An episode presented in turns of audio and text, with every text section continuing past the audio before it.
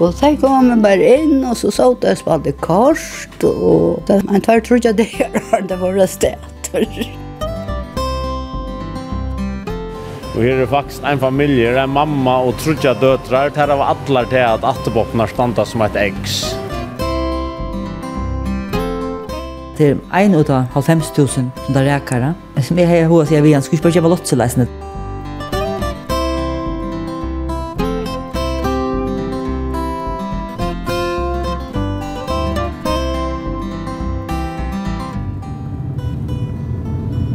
Gåan det, og velkommen vi av Nutsjan Tur.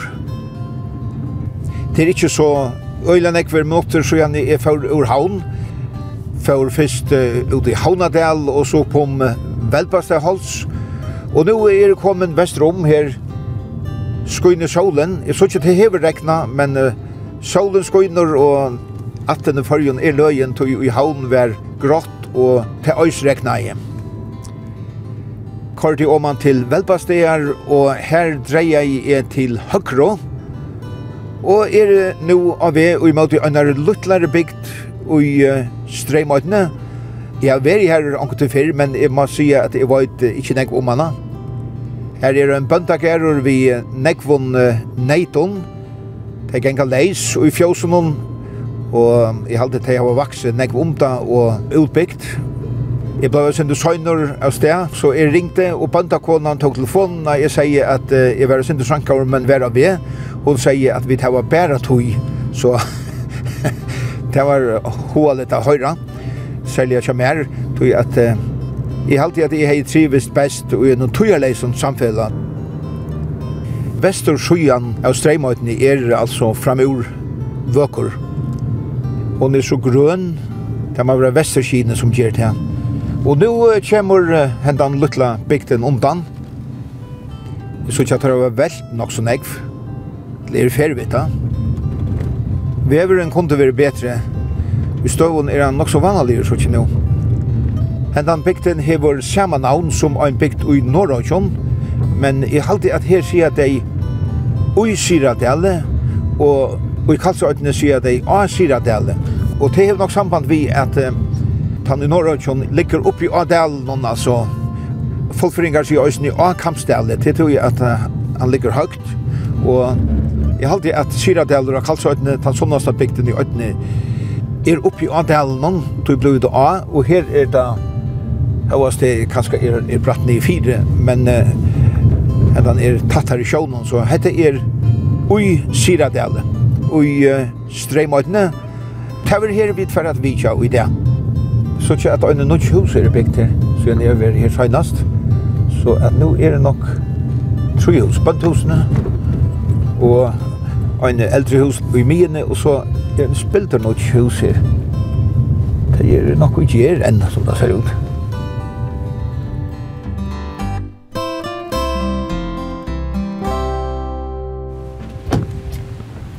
Koltor er ein ekvelig honalig odkjald, ja. Hon er Hon minner meg alltid om en badnakone som er kommet av soppen. Så jeg bant i råna, og øsne var øyer. At det Porvald som sitter i uh, brøyten her, nå kommer han i ur mot meg. Skal han råkast vi her. Gruer ut ned, skal han bytje ut. Kom an det, ja fint det, Torvar. Jo. Velkommen til Siralats. Ja, takk vi. jo. Du råkast. Det var ikke. Hva skal du bygge ut til, eller hva skal du gjøre? Ja, det der var byggt ut da. Ja, det der var akkurat byggt ut, altså. Er det for å få at det lukker sånn? Ja, jeg skal ha oppkøring til innkøringen og powerpointene. Ja, ja, ja. Du, det er egentlig praktisk at man kan ordne alt selv, ja? Det er nøyet. Og i disse bransjen er det nøyet å klare som mest selv. Ja. Annars kommer du ikke lengt? Nei, nei, det er, det er noe sånn, så jeg sier, bøndabransjen, det er, det økonomiske er alle tøyne en avbjøring. Altså, prøysen er at som vi framleier, at her fyllt ikke vi prøysen og til nøren, så at det er bare en vever sjokken, og det er at, at veksomframleisene, og automatisering, ja. og det har vi da vært gjort. Disse yngre folkene, det de går jeg ikke dette her av å være bunden 335 stier, om var morgon och kvöld. Men du, du var inte som jag oräkvittig, alltså hur du tog att... Ja, ja, ja. Jag slöts nio här och så Det ser spännande ut. Alltså, det har byggt nog så nägg ut, va? Byggt så gärna kom till sig rätt, alltså. Hvis vi gänkar sin råman här så såg jag vet... Uh... Nu tar vi standa nian nedanför här och såg jag... Sett husen, ja. Så det var så lais vi sier det alla att alltså för var det en gär till och i, Nojandro och Nøytjandro och Nøytjotret vi var det en gær. Og til sethuset jeg sa i Arjabåsen, at tar standa en sethus jeg skal hepa en til nea for fjósi her, og, og en A her som är stå og manøvrera i maskinen, her gikk en sånn nok så, ja, en sånn fytt, og Og hon kallar smetar då. Hon är så lagt åter och hon är vart ute i man för böjena. Så det huset just där i bänt vi till lutliga Anna och han är Karl han med över som Karl säger där. Och men ta så han jävst. Så menar det att det är är är så först så Einar familja klarar sig i Syradal och det är bättre att det är tvärfamilj. familj ta kjenner så sånne hotnabøndene around, han er et palle, der, og Jakob Reiner stor Kalbach, Badje Peter Reiner sløktingsmann, eller laknan, og, og Hans M. Reiner som er rørsmy i havn, og så. Tar bare koma, og fer under, altså, tar, tar skulle reka felasbruk, og gjerra sethus og fjås, vi så tja hinne menn i ånda, så gamle hus ni og Og det er nøyaktig samme slag på menn. Her og så fjås i 18 ja. Men i tvei fjord, så, så vil jeg der ha det bort. Ta blod da så tvergærer. Åtta mersker kvar. Og er så tvergærer. Vi, vi kommer her uh, i 6 og og til er en av sånne gærer. Vi eller, festet ta, Men detta er vi mjøkka framleisen, Det er är två vägar. En till motto, ötja, måtte og bare lukka locka Og treiden for i ötja, det er ikke fyllt at du først får skrujaturen, ja. Så det første framsteg jag åkken vart det var det at grannen ikke åkken har velpast, at de säljde sina mjölkkvoter och leja som er bøy, Det er møyren i velpast, Olle og Anna Robex. Her vaks grunntarleie betydde at det kunne leja at han bøy, Og i 2011 så selte det og vi kjøpte festebrev. Så 2011 ble sier at det er atter et fest. Og ta ble vi møvelagene ordentlig skapt til fyrir gjennom jokka framleislige. Så vi da også valgte at jeg spent dere ut og i mjölkabransjen. Det er alltid en kjøffelse at et land som fører skal være kjølt vi skulle sjalt bjergene vi, vi mjölk, og i mest må vi kjøtt i eisene, vi kunne godt gjort negg mer vid tannpart. Men det er, det er hva politikerne vilja. Men annars halt jeg sjolver at jeg tror ikke vi velvilja fra politiske sjøy, men det er kanskje mer til å utøkelig at få sett dette her versk som man ønsker og atler. Torvald, du altså, når kom så veveren til Syradans? Han er kommet tro i forskjell. Så Arnt har det vært altså, en helt, et helt annet samfunn, kan man si? Et helt annet samfunn, og helt avloksalige strev. Det kjørst ikke bostra, altså. Fra gamle er tog, ta redde deg fløtene, ja, henta vi sår etter konefettelig, og så var man i Havnadel. Det er et plass lykka norran for at han utja fjås i Havnadel, hver det kalla fløtagruppan, og det er her som Siradagsmenns rette fløtan, og så ble han hetta av Royal Men sættene, det som er minnes, det var skurene som stod vi på Ronefjall. Så rettet de alt herfra, og tvørster om skære og, om han her. Og som vi så ikke, så, så er det altså, ja, er grulig knoss, altså alt skulle jeg rossa bak. Fjøtlene rundt han om mer, det er om 500 meter høy. Det er veldig et øyelig baks.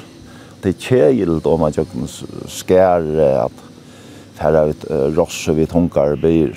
Jeg minnes tanker då at, at, at her mister ross. Hvis, hvis byran fall fram av ross, ja, så får det jeg rundt. Det er veldig et helt, helt anna og møvelaikar. Jeg stedet skulle jeg av i det som du heier. Alltså säger den så det skulle jo greipast og rekast og... vi där kommer det i tunne og av rockna och för att stäva i kroven. Det kan slett kjama luknast, slett ikke. Et anna, helt annat samfella og est. Vi blir strutt til Lloyd Givast. Skjerman vi er noen gær, hon ligger ikke i neita fjosen. Alltså det som trekker folk til gæren, det er det som hever vi, vi hean, sei, fjall, skåren, harvei, ja, og, og sløtteren eisen, ja. Og jeg halde at gæren er veldig øyelig av fatakker utan til. Det er en heilt som skal klappa. Men arbeidsmessig så krever dette som ikke nek at nu tar jeg fjås i livet og sonren han har vært her nu i 20 år borster og Nu får jag kanske gloja mer borster ur och kanske tagga mig mer till lattar. Ja. Och ta hooks ju särskilt om att slapp jag till inte mer säg någon til at vi kunne godt finne mer bort til seg. Nå, nå er vi handangæren i i 2011, og til på den gamla maten, til stenter i bålen og om veteren og sånt. Jeg kunne huske meg at jeg et, et ordentlig seg, kanskje et ordentlig hus til alle han sier, en edla kurser et hus her norr til, til, til, til seien i det norra her. Han hevda, han hevda for hardt om veteren. Ta det fórar seg ute så där så i ödna vekkrias Det är ett öjligt spittla fór. Ta for meg en parten för sig. Ta blottnar och så lägger där skjuta. Så på tamma att han hejde og eisne finns ju nekmar at för för fåret og kör ut.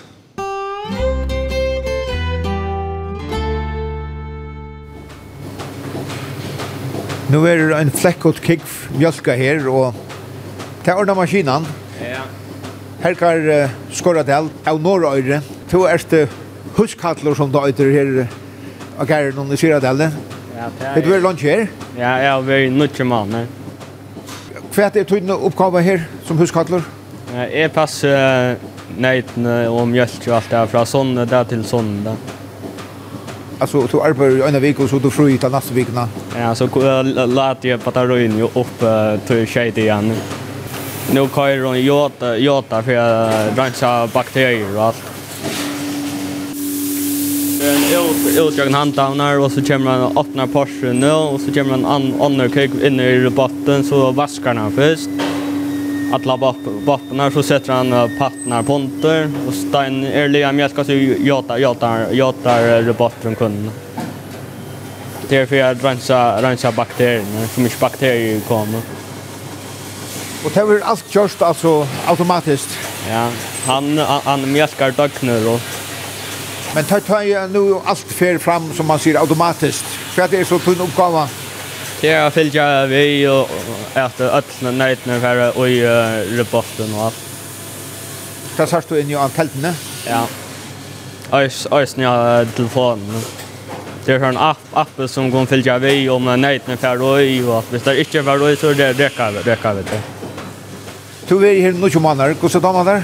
Ett andra rattliga, jag ser att det är ju världens bästa arbetsplats. Han har följt sig som, som har hemma. Alla du har varit här en tog jag trätt? Ja. Og har du några drömmar själv altså, i framtiden innanför landbånagen? Ja, det har varit varit bandaskolan så var det lite fram vid omkring fest i förrgen. Og här var nejt? Ja, och så här.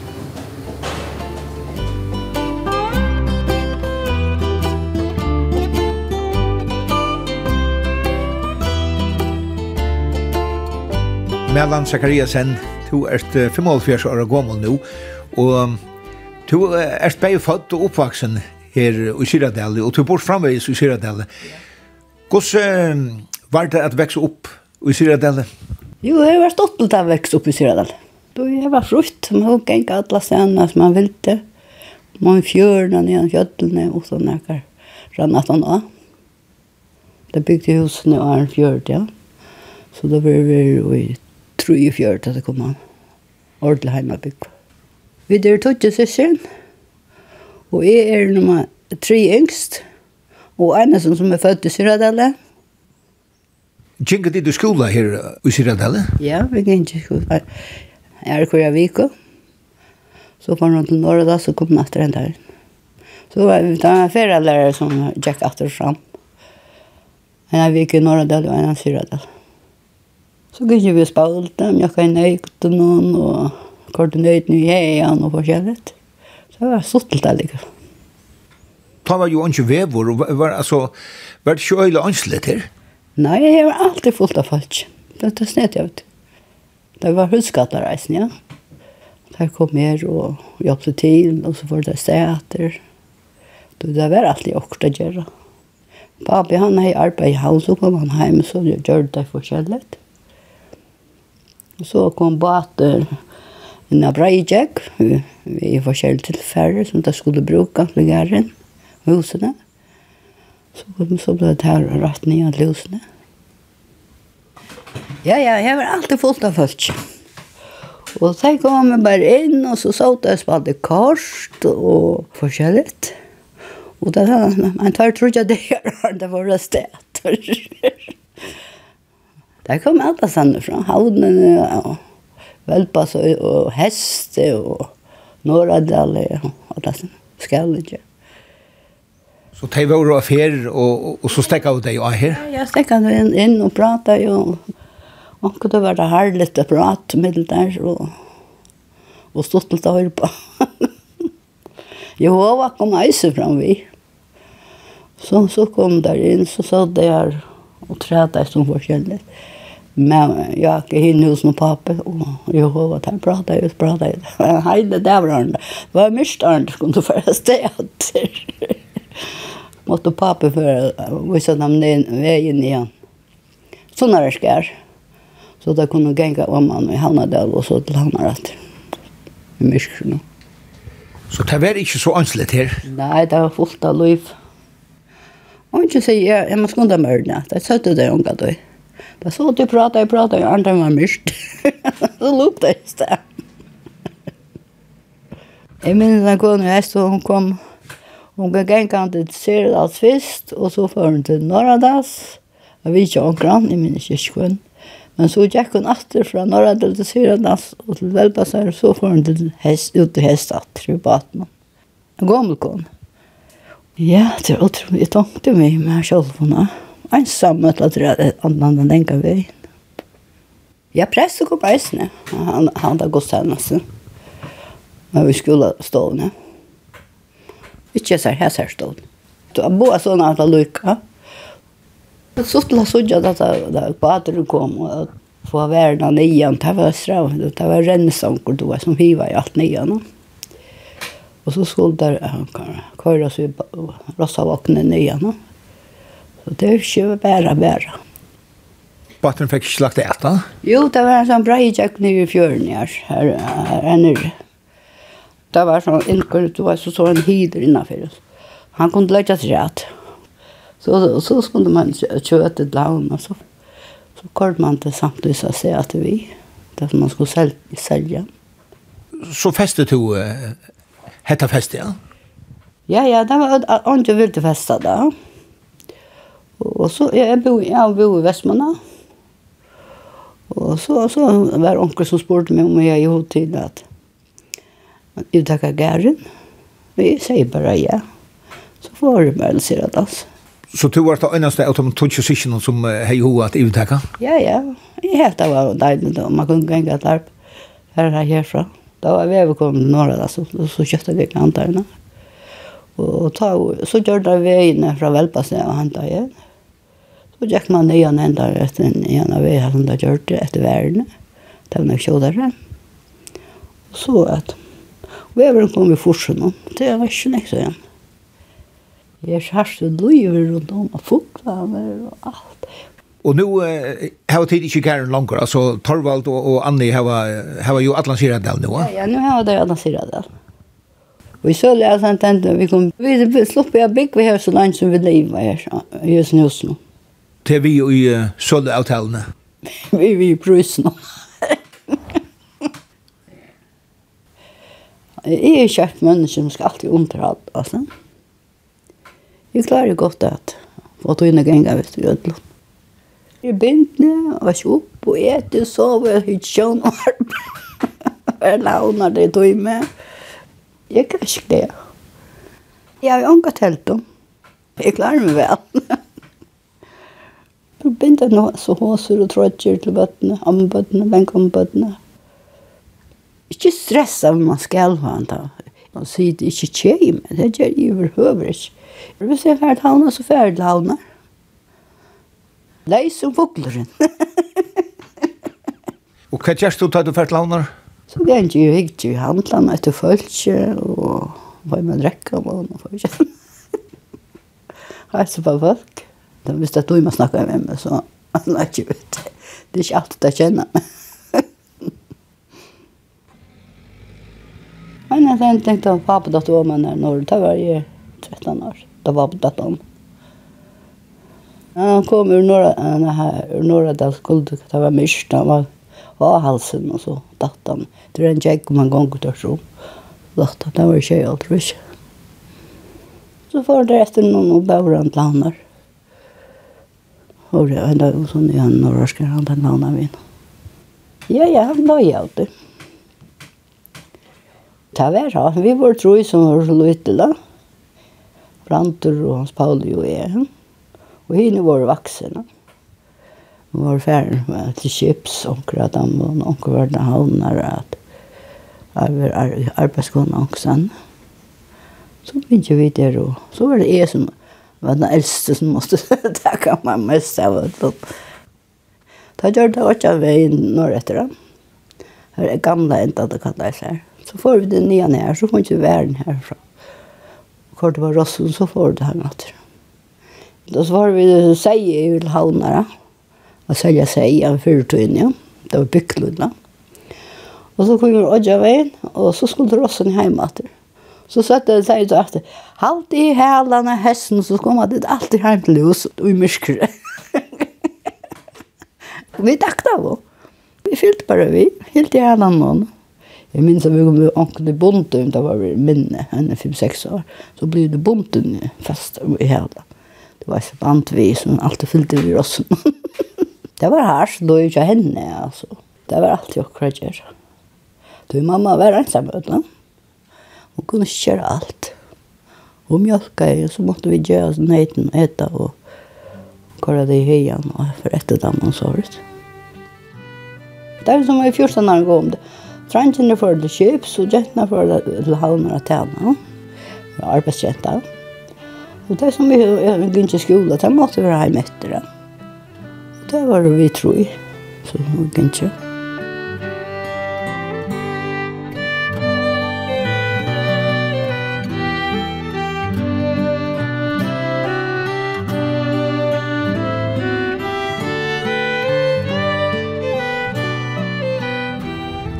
Nå standa vi nere av bakkanon, og er vekkert å standa her nere, det bryter her, Men eh, godt veverkortene, suttja voja, nyan av prestheik og nyan i bygdena. Og Torvald Lutzen eh, sier at heller er gammal prestgærer. Ja, fyrr var skipan og sålas vi presten i fyrjun, tar fingo ikke løn. Tar hadde jeg en gær, tar var tarra løna. Og presten i havn, han heier så er 16 merskrene i, i, i Syradale. Men eh så lär som jag har skilt så jag följde så han kunde köra nejt och och så rätt big we haun och ha till sig att så det som äter samt att görs fest är en mörk och till bara innangars och till vare till till hustorna som han har haft här men annars han sa verliga lön och la nog syra där där 16 mäskorna syra där Og her er stier nå, altså, det som vi sutja nian och her, det er, er uh, presthegger, Og her er en gommel ratt nyan for her. Vi sutja resten av leingen som er her om rattene. Og det er tver frasøkner om prestek. Ånder er han at her skulle han sitte og syrkja at han fjorene han hadde tidkje. til og Anna her ur Syradale. Og hin er at, at her skulle han sitte og egleie rojtje døme tjåsar, til han sa og i marsk bæg sår etter og når etter fra prestet. Boar er sikkert rattar. Så her satt prester? Her satt prester og eggleite sutt sitt røykedøm. Og ta vidt for jeg velta her, så, så i var jo ikke hva skulle gjøre vi prestet. Hoksa jeg kanskje at gjørst en alleging og at han ordentlig ble sermest borster men jeg vet, vi kom til det at bara leta stanta akkurat som han var och det gör han så. Så det är väl alla sen runt om men han ständer här. Ja, han ständer akkurat, han ständer orört. Och i halt i han han tar så väl ut och gör den ner och så häver han sina söv. Annars är det inte näck söv här i sida där. Här här är skift näck folk.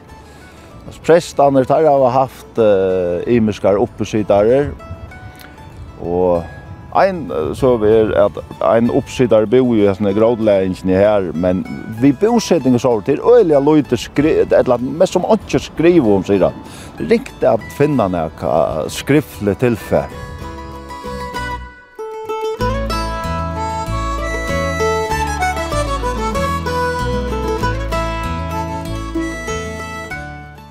Hallo Toror, velkommen til Siradals. Det er den fakra som jeg kallar det. Det er en fantastisk dag hvor du valgt, til godt anfyrir, ikke utsund jokkom. Ha? Det er en god skava, jeg bygger her. Ja, det er alltid øysten her. Håper du svenker. Så nu har atli er at du skal smakka fyrjar. Og aller best er fra gæren jokkom her. Så hvis vi bygger her i brøst, skal vi klare hva du først eta.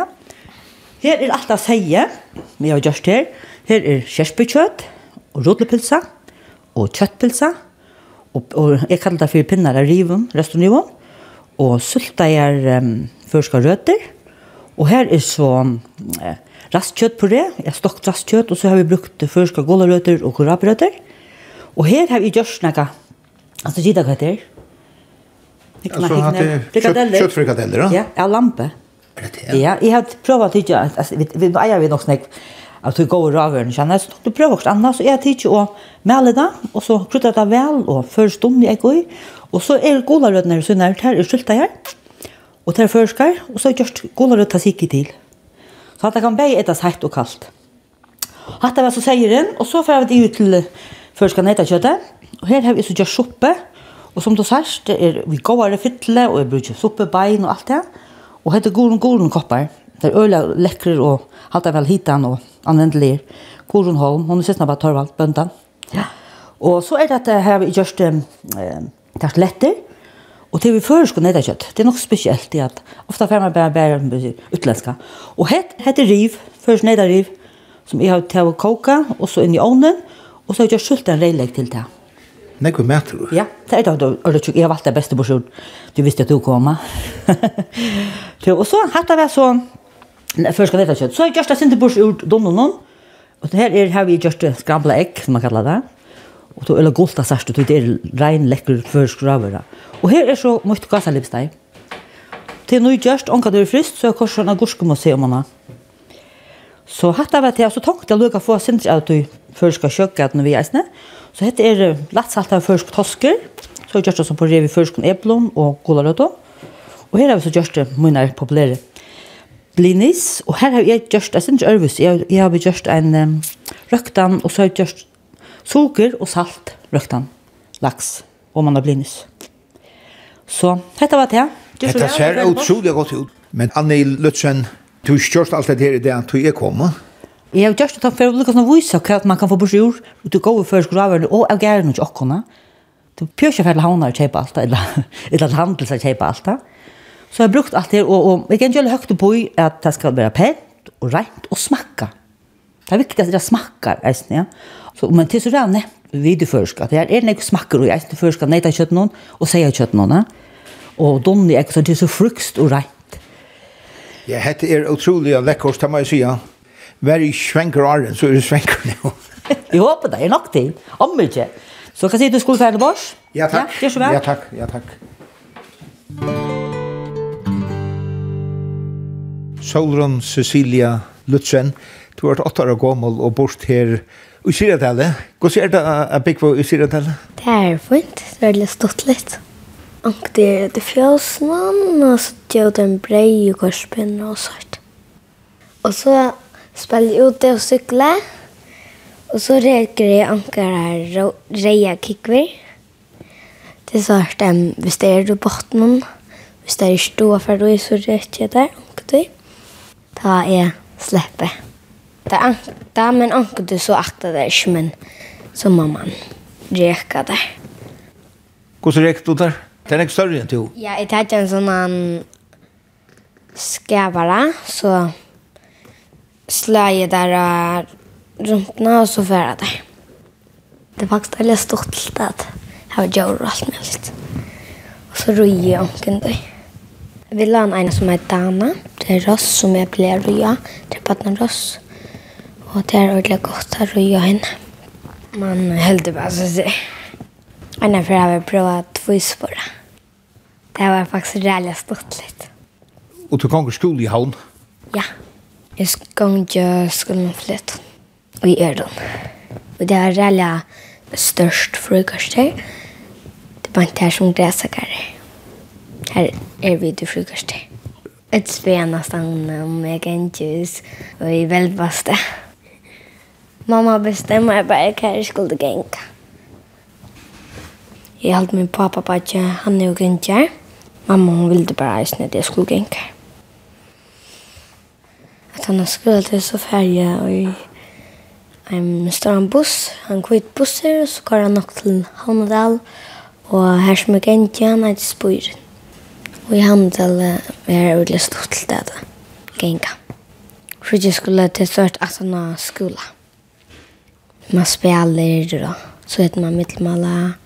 Og, og så fer jeg til filmleika. Den har jeg lagst. Så fer jeg hjem. Einar fyrir kom Eibrit her og vidtja, og Mariella. Og einar fyrir Dalia var her, og Dalia og Emma. Det er litt stolt det her det vidtja her. Ja, nu bygger vi tid i sån här, som man som sån äldre hus, men tid, tid bygger något hus. Gleder du det? Ja, ordentligt nek. Jag vet, kan man för mig själva nu. Här är det, tar jag. Och eisen här är det. Man kan fara ut till Rösne och, och i havn så mamma kvar bil då. Här hör man alla till ambulanser och, och bilar och allt. Så det er helt stilt i sier at det. Og en av fyrir ta mamma, hun, hon fanger inn til tennere. Og vi funnet en stor rang grinda kväll. Mamma var så rælla gå i. en av fyrir så vi denne mus, og en av fyrir så vi denne råtte. Og en av fyrir så vi denne harunga, og vi fengar igjen og så gjør jeg vidt noen mæt, og så kvart vet han ut at så rann han til mamma. Mamma, hon er rælja resk, hun er mega fin, hun tog rælja vel at gjøre mæt. Eina fyrir alt jeg henne at gjøre henne kake. Det var veldig stolt å gjøre henne kake, og hun kunne hjelpe henne å gjøre et mye vi mæt. Og jeg elsker om jeg og pappa mamma og luttla badja min. Min mamma har akkurat funnet en luttla badja. Han er rælig fitt. Anktis epp i halvdom. Nu kan si du tårer, er du metter? Mange takk, Anni. Hette var utrolig godt. Ja. Meldt sagt. Det gleder jeg meg. Og fjellbrøyt, og tyverre ble jeg alt og kjøtt. Mettor vil jeg si alt. Men jeg klarer i korsene at smakka det meste av sånn. Og metallig er godt. 15 i mye retter til å prøve. Ikke hissende. Men uh, Anni Lutzen, ta øyder altså Annisa Goma Cross, ja, det gjør det. som uh, nu er blevet kjent, og her kommer nek folk, altså hva er det for folk som kommer at eta fra der? Jo, det er i mest det, det er um, føringer, og faktisk nok snakket utlendinger, som mest normen har vært, og, og fra Sverige, altså, jeg er ikke ordentlig ser å få sånne store för att det här med såna bussar såna. Jag har det är så särstakt och till alla man rönna hålla fast vid att få små sällskap in här och du kan ju högt på i att maten ska vara George av de bästa råvarorna från Gärnon. Det ska vara pent och jag ska själv göra det. Jag blev annars spurt, jag var i bortestött i samband med att var nere, så blev jag spurt om och andra kan göra det. Nej, så är det inte mitt koncept, känner jag. Och det har alltid fast vid, ja. Och jag är inte stor sällskap och jag vill helst ha det flest i heim Ja. Och du ska inte göra också brettbitar vid du först ska gå över en utel brittlopp och receptioner såna där. Men jag har alltid med hålla fast vid det här. Jag har varit hem här gärna. Och allt det här, alltså hade du ett egna koncept? Ja, vet du vad det kan koncept. Jag har alltid tänkt att göra med att jag började långt som tuttjare gammel. Där bor jag i havn och har en appa som inte med mig. Så att jag kunde lära cykel ut till han och göra kebin. Här började jag bäga rotelkakor. Han var röda fett i världen tålen och det var så här Han dippade ner till munnen för jag flöjtade där. Ja. Så på den måten så har vi alltid själv haft AH innanför mäta och nu var det så otroligt happy att det blev bönta kon isne och tälske. Och nu börjar jag bruka laver från Gärnon. Så tänkte jag så ganska stolt att börja ha gjort det tillsammans med under heter hemma blutne och få folk hem som bönta gär hur man är folker och så just ni kan mäta och såna kan. Så nu är min plan så att jag får vinna ut det. Jag vinner lite. Ja, annars är du sugar sister. Ja. Som man säger, är inte och nu fast du mest vi, vi hetta. Ja. Jag började så spärkligt, och så, men så datt han i fyra att jag tar och blir sjuker. Så nu är det ordentligt. Nu att man får vinna ut det. Och kommer ordentligt gång ut ja. Och för att byta ut och så har sett när jag onkel unge flyter ut. Nu tjusen vi kommer för i rum, det gamla huset. Ja. Så får jag öppna här ordentligt och efter här var Jag planer om att här var åpen ett vikskift i månaden i samband vi slaktet till dömes där vi där fjälle och flätta så kan det bjuda att gå förska fiska för lampen någon Och det samma att vi tar flett ett nej och akta samma att det var åpnet en vikskift att man kan boka bord två troi. som nu är så är det bara i tætje, minimum tutche och så upp till cirka 30 va. Det tas med med allt med till. Allt är av gärn och allt är förrust. Alltså detta smakar av nekvån, alltså. Det förrust är det bästa. Nekta Og, Och jeg igen ikke øyne høyt på för det første som sagt att det skal være pent, pent anrätta och smakerna och nog till isen igen. Så hette det just vi kærløyka? Ja, det er det. Vi nekva timmar om det, og vi kan ikke høyt på det, og fyra ikke det går tog og alt. Vi er bare ikke eisen mot egna drylla brei og brei og sånne, og bollar, alt sånt. Alt er heima just. Og det er det beste, aldri. og her fyra hei du en særlig vidtjan, jeg sa at du skriver at du hei bjau og ötlån som tid at du var saman vi av Hotel Torshavn og Köpenhamn og det var nog særlig, da. ja. Jeg kallade det okkara fitta familie på Venegade i åtta. Alltså då var det nere i tjej, tjej månader på hand om att vi där och så så kommer det å kjenne nek folk. Ja? Man, man, man flänner samman och man græter samman och man bier samman och, och det är helt fantastiskt det där. Det är fantastiskt att, att det finns kycklinghotell Torsan. Det skulle jag stora tack för öd som arbetar. Vi tøtte att det har haft det helt utrolig gott. Och, men det var så happy till att Torvald Hej, det är så gott. Först och förra mannen när jag fick hem och att jag kunde resa hem till varje fylla koffert och ätla gåva först och så ner efter det. Så minns första hon har lötna som vi inte i fyra. Det var i chatlaren. Här så öll gå höller i chatlaren till hotell Torsanna. Så hej, jag fyllt med koffert och ätla gåva. Så gör det jag sort. Jag blev sedd att hörva fyllt i 14 december och jag bröllopsdag. Ja? Så kombinerer det vi tog, og vi var helt fjørde folk i chatlaren her, og det var stekona litt. Og så platt jeg att göra. Jag har gjort en 34 sånne här hon har lötna nere i hotellen vi med oss. Så sette jeg meg fyrir at kom Torvald til fyrir at jeg løyve. Så skulle jeg gjøre en sånn, her var åpe i huset for øtlen time vi hadde møtt. Og sjálv han til, man sier, det er dette nøyga bors jeg var, men ikke minne det er viktig at man kommer sammen ved timene, eisen, jeg var den tja timene. Så jeg tenkte hvordan skulle gjøre det, så gjør jeg en bøtt på Facebook, og så ber jeg til, lukka som forteller det vi er, dit. man minnes ikke øtlen nøvn og sånt, ikke øtlen som har Facebook. Men da der hun kom, og det var, det var fantastisk vær, brennende sølskin, og det kom iver hundra folk her. Og jeg tenkte, og det er tøv øtspilt som har gaver, så jeg ikke kjenner noen gaver, så jeg er gaver til jeg kom hjem, hvis jeg sjolvåna, ja. fri okkon. Og så får jeg bare få bo til forbi for tjakkrabbamannsfellene, og be om til busser, og sier det vi, vi følte at jeg sette der bor.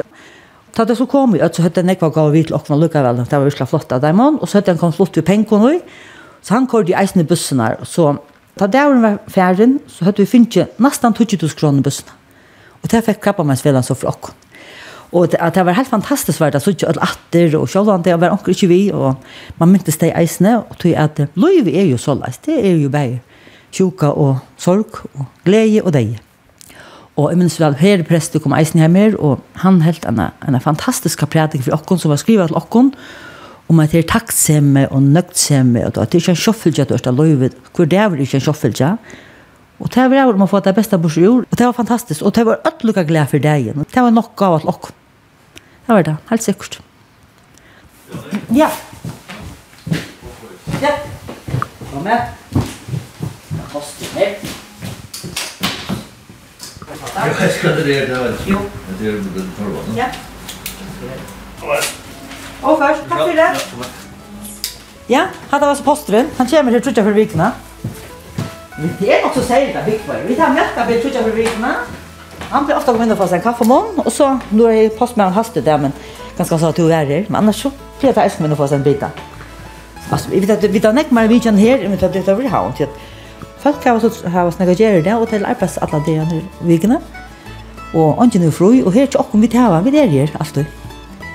Så det är så deilig. Det är alltid kaffe i kamne och horen alltid åpen.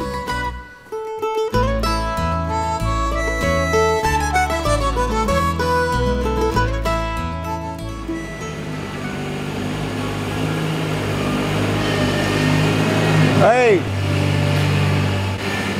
Jeg halte at her var det godt, så her, her, her leter ikke ut av munnen. Så her er mettar alle samlar. Siktor Lutzen, du er så tann yngre ingrebanten, du og papp, to nere bæger om uh, fjøset. Fjert er særlig at hun oppgave? Nei, altså, så igjen, det ble automatisk til pappa ikke så nekve fjøsen. At det kommer til telter og apper og alt det der, så er det eldre, det er ikke lykka køen. Så her er det mer jeg som, som styrer her inne, ja. Og Det är lika som man fyllt vi att att alla vill ha mjölkajar och att det vill ha mjölkajar rötlen boppen. Det, det, det, det är ikke alle jord som är lika gav och bein och så först över botten problem i att finna finna bottnar så för en kanske ut och manglar mjölkarna i botten. kan man så fyllt upp. Och i över att att fyllt vi att det är till tarv och, och, och att alla är friskare och har det gott. Som oftast det heter sjuk och så kommer det så Fyrre du ersta lofta du, bedre gonger å få da frukstatra. Alt fra mjölkafeber til husmasjuk, og, og eisen bare til at det er ikke alle kur som halter sin uh, novel fra meg. Sommar er mer tilbakarhaltnar. Så får det ikke noe straff over, så må man hjelpe at heimen lykkes som. som nå er vi akkurat flottere inn i mars i år, Og her er langt og nekvar som ikke kan bruke oss litt her. Hvis du tykker at han for det her, så standa tutsi kur her, heter alt sår som inte kunde brukas til mjölkirobot. Og her er faktisk en familie, en mamma og trudja Det här av atlar til at attebopnar standa som et eggs. Der krossa i gjerra. Roboten dår ikke fer inn i middelen, sitta først på æra og så hina, ta må være glopp i middelna. Og så er det onkrar som jeg var jure for sutt. Og så er det onkrar av de eldre som ikke, ikke hilde til å genga leiser. Här var stegen och bas i allt löve och så då där kom ju om man ner så får det knus. Så där måste bindas nya nattra bas. Det där klarar jag gänka faktiskt. Så här ser vi mjölka här vi hand framväs. Här ser vi mjölka på den gamla maten, va? Men detta här det viktigaste är att hålla mjölken uppe. Det är att det nutje byggning ska ju betalas ner så Så här här uppe minkar det så kvar som det kommer nutjar som rickar ner i botten som minkar upp i det gamla. Og tid har byggt rettelig nekve ut, og som sagt, finnes det ikke noe tøymann som mjölkmaskiner, sjølvverskande kan man säga. Hvordan nekve har du spent ikke ut? Så vi började ju i 2012 att bygga ett fjås, ja. Och vi tar runt att göra sådana själva som vi behöver ha klara, både vid, vid, vid uppfyllning och, och planering och eisne bitching av jåsen og vi inventar og ætlån, og så har vi et velt så kvart, du ja neiten skulle ha noe eta, så det krever at du har noe av bøye. Det er faktisk ikke åtte år av bygd dette fjås, og samstånd som vi da var velt, og finnes ikke straff av grunntallet til, til høldar samståndes. Vi nekvar hjelp fra familjen. Det er ikke bare tver eller fyra henter som, som har vært som gærne sørste 20 årene. Det er att nolla trätt och gosse så är det lätt väg. Det har spänt och näck vi ut men det har alla den här runt att att det vid som skulle styra ekonomin och inte omvänt. Og ta gång vel til at det kan. Ja, hvis man herjar da, så kan det väl. Det er vi är som kreaturen att ska du huske om å tjene pengar så ska det ikke ha kreat. Det er det är Lucas Moren som tror värst. Det gänger väl, då man tömmer väl och för nekva hjälp. Det är inte då att det är det öliga lönsamma ut. Och ser att det är väl ägna år till oss har fjås? Ja, ja, ja. Nu tar vi ett finger händer och hinner festen om vi så innan och bär blir lagt samman. Allt det slatta länt är så är det upplagt. Det är så öliga när gott slatt länt till att välta till bötla sorgfjåsa. Hej, det är inte värre så blev fjås inte byggt. Ena för så Eva styr ge vast här och ta vär om ta 2028 ta börjar vi att sälja bort auto i att uh, vi fick inte löjve till forskjelligt, vi fick inte lente och lyckas som atla vi att locka ta nere men så så ble jeg kom løst noe på te, og så igjen ta her vi så, jeg får lamperna skola, og så her vi så bygd og opp og kjøpt kvote, så hver som vi der var klare framlett og, og velt, og haft nokka straffer, så lykka så igjen ta, ja, det sørste tutsi og ærene. Så til for oppeier, som man sier, fikk han er høylhoeier til verska? Ja, det er det vi er alle tøyene. Vi bare er, og jeg har vært luttla bare der, og jeg som vi reiser i alt, og familien, så det er... Uh, så ska få det gänga du måste ha öliga goda hjälp annars gånger det inte hövs orsöken till att vi tar var just en läsgång för oss och finns jag när mjölker bort till för att få det lättare tror jag att det det är sträva att passa sälja på gamla mat att passa en ejda för oss och lön som vi är för vanligt alltså nejden klarar inte betala till lön som alla andra klarar alltså få äras den ja. Då valde vi att bygga det här för oss här. Det är till nästan lika nekve timmar nu och det nutcha. Nästan lika nekve timmar. Men det är lättare timmar. Roboter och mjölkar, men så är det forskjellige problemer i mittlen, men det är inte så fysiskt sträv. Så. Då bunten allt ökning av lukan, men på en annan mat. Det är uh, 5,5 mjölken ett, eller här om 5,5, 5,5.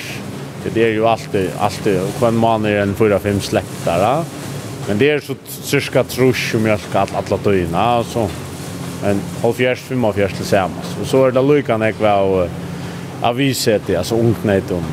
Det, det är nog så stor utskiftning vi, vi snir mjölksnägg. Men hvis man damer det, så husker man ikke snakke om. Håren är framutskåer? Ja, ja, han er öliga god. Det er det viktigaste, du tog med det att du gjørst. Det er helt sikkert. For Han mjölkar alt og ja. ja. det är uppe måtten av mjölken. Ja, ja. Det er det som lyckas med för doseren. Att han skal mjölka allt ögnen. Ja, hvis han mjölkar allt ögnen så klarar han trusk, truskor, ja. Men vi, nu så korsar han vi flott in at Vi tar bara hållt rush 2 eller rush nu. Det är var skamle gutten och står uppe till gamla. Där kommer bara här i morgon och kväll som där var vänner vi fyr. Men alla det här som är Lucas som kalva sojan vi flott in och att han har lyckats som roboten kom. Tär färre jökten allt öknen. Det är inte vänner vi när kan. Så tär färre lyckas som tajta börjar spänna i, i jorden. Ja, ja. Det skulle helst vara år. Man har ju fått där de mjölka trutja från döknen, men det är inte alla som gör det. Men det var ju det som gör det. Det är det som mjölkar mest. Jag måste säga att alltså, Torvald, sjukan till Torvald, hon är en sälskynsöva som absolut är fantastisk. Mm till halde helt annars igen. ta började han blå synte mer ett fyra skratta synte där. Jack lackna och fick gikta med sin tur man helt ju det var gikt då. Men så oktober man i fjör så pinta blev gal, pinta blev sin tronker orska inte orska inte kan trappor la näka. Så får han lackna och blev inlagd där och alltså vi fick faktiskt vita att det var blå krabba ja. Och skulle så nier och så tar vi kom nier. Det var inte det var den särliga sjukan AL-amyloidosa, og det er stort sagt proteinutgjørende fiber, som angriper alla muskelmassa i kroppen, og det er sett seg hjerteveggen til Torvalda. Og tog var han så trånker og måver og pøster, altså, mævren ikke til fjallet, og hakste tinten og alt i følgen, du vet, og så, så knappt det ikke orska. Jeg minns godt, det var en lakner som sier, han sier nevnt i år i AL amyloidosa, og jeg minns jeg sleit opp, jeg tenkte, nei, hva skal jeg hatt av døyrene, jeg hadde orska lesa. Men vi får så nye, og få samtale og finne vite etter her hva det var, og det var ikke sikkert få kemo, han kunne dodge av det, og få hjertestopp, og sikkert ble verre av det sånn her, men jeg sier til den situasjonen, hva skal det, vi klarer ikke vel, nå må vi være trask, du skal klare det, vi klarer det sammen. Og tog bedre, vi tar valgt alle veien i kjøkkenet, vi røtte mennene, altså, han tålte vel kemoina, han får hjertekanninger, det var ikke blitt verre i 18-4 måneder, det var stå i sted, vi hjertet men han orskar enn ikke bedre. Ja. Og han var trasker, og vi gikk kvante, og han trener jeg, og hver var oppe i følgen, så fylte jeg koffert vi det gå av førska klassen nyretter, og det helt hun nesten oppe, helt sikkert. Men så tar vi kommet så til samtale mot endan, at han er ved jøkneser høyt og så skem og så til herre, tar vi være virkelig sjuker og veiker. Man sier at det er forferdelig, så ikke, hvordan, hvordan veiker at mennesker kan bo, at en sånn kemo vi kjører. Men så sier det var, mamma nere botten og venter for det oppatser. Och nu var vi till samtal att det vi var öliga spänt och att det ser att jag var stod klar att vi jöknen höjt oss skema så är ivelsprocessen näst större och sjukan haltas ner i lantja. En ena sjuka så säger vi tar vad tar vad du kommer inte dö att du kommer att dö med. det. Och sen var så här fyra fysiskt och allt och är klar alltså gott i jöknarna. Och nu har han så varit till samtal och allt och här han är frisker, frisker, gasaregen. Blåprövna maler till att det 20 Og det er fantastisk. Og hva fremtiden er å jobbe, det var et ønsken. Vi tar deg inn i det. Takk som er glad for det. Og vi tar noen annen, og alt rundt om åkene Vi Finns jeg noen om og sånn gjør, helt fantastisk er det. Så her er det trymmen av. Til lukker vi tog. Ja, takk for det. Til jeg brukte lov over bøndakene. Kommer hjemme og kjøtter, man er alltid unker inne, ikke bøttene, og det var små og sånn. Og det er det stortlige strev. Men altså, du er ikke ryker av, av, av, av, av men så er det til at, hva er det å være ryker? Henta sjukan John Torvald som eitir Ail Amendosa, hon er så mykje ovanlig at det er ein ut av 50.000 som det rekar. Så jeg, som jeg har hos jeg vil, skulle ikke bare kjøpe lotseleisene, du må ikke bare være uheldig, du må ikke være heldig. så det er øyla spesielt, det er det. Men før var ungen vidtjer fyrt, da fann man ikke det at man var dødt om å døye.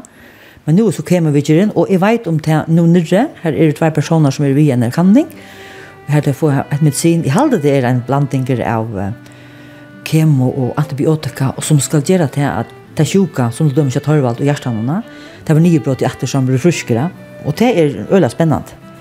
Så vi krysser fingre for at han kan komme og oppleve det her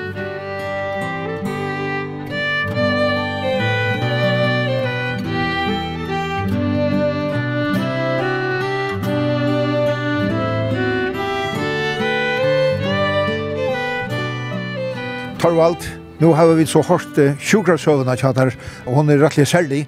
Hvordan kjennes det å være kommet atter uh, og sier at hans? Det er helt, helt, helt enast antandig, altså. Jeg har tatt ikke god til flere for det er enn at jeg er kommet atter og i ødlom gåen, og, og det er en helt særlig søve, altså. Jeg ble sjukker i oktober måned i fjør, Og så lei som jeg har skilt, så har vi vært øyelig heppen. Så for vi fem år etter i togene, så var han ikke hjelp på hent. Så har jeg ikke vært, vært gjørst. Og jeg har vært øyelig, øyelig heppen. Og kommet etter i Ødlundgåven, og det ganger alt frem. og altså. Så, ja, jeg vet ikke, jeg har ikke år for, for det, men alt kunne jeg huske meg å tidsje frem. altså och så otroliga hjelp som uh, folk har vært. Ikke bare nå jeg er vi sjukker hele tiden med han. Øtles i årene vi da vi sier at jeg har vært omfavnet i beie familie og vinen. Så hjelp som jeg har vært øyelt av som gære nå. Og ikke glemme nå jeg ble sjukker altså.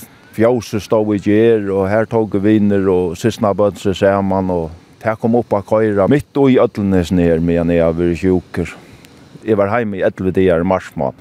Da slapp jeg å starte opp, og det er planlagt så løs at jeg skulle hente med igjen, hente pausen ved. Og jolene, jeg måtte halda jól i Danmark. Jeg fikk alla familiene nye å halda jól. Og det kunne leta seg gjøre. Jeg har haft en god av vin. Og Trødland er seg Eivind Eliasen, som har gjort til her av gærne graferer og i togjarbilo. Han bjør seg så til at teka fjøse onkran det jól men så trakka i mamma till och säger nej vi talade bara öll jól och och i syra det alltså så Ejon och och Anja och Ivan det är helt i öll jól det syra det alltså vi till det jól nere och det är ju ett hem hon otroliga tacksam för alltså det var helt öliga pent gjort det att han att det är inte kunde låta sig göra Nej, så man man huxar örvisen i tar det det som uh, kanske fyllte Nei, hva sier, det som du helt vil ha store problemer, det er kanskje ikke så store i det, det er i andre ting. Jeg sier tingene, det er ikke er å stille opp, det er fytler det er det er hoksa man ikke om i det, altså. Ja, det er vært en hjelp å hente, og det er antallet at det er vi en hakre makt, det er fytler ikke mer i loven og tjåknødden alltid i det enn det har vi gjort fremme noe og taksam. Jeg være mer taksam. Forløygene her er kanskje ikke det samme som årene ble, ble sjuker. Årene kom eisene, så er i heppen at jeg har en ungan son som kan driva det vojar. Och i det är det han som är, är alit jag är. Och ett av malen jeg heier nirre, jeg heier små mål, men ett av målen å være at komma upp på fjallatoppen att är det tror fjall runt om gäre eller av gäre någon Ta sikste er Konefjellet, det er 451 meter, og så er Morefjellet, det er 451, det er mye ned, og så Tunglefjall, det er 501 vestast, og 534 vi inne av Norranfyr Skjær. Og sånn er det en ta var eit mal råttja tre, ta var i oppi av Tunglefjall, og det var kjørst Jeg var kjørst rørt i stå av verden av Hunkefjallet og hukte ned i river her. At det målet nådde jeg så eisen. Så det er også du nekk om ta? Ja, det er også jeg nekk om. Takka jeg gode for at man eisen oppnådde teater. Og blei så mykje fører at så er jeg jo litt takksam.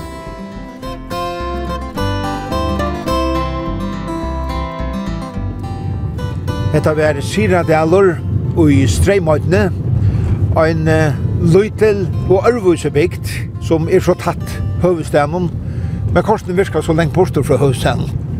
Og hun har vært at høyre om løyve her, som er vært særlig for uh, større part av dømmene søgnastene.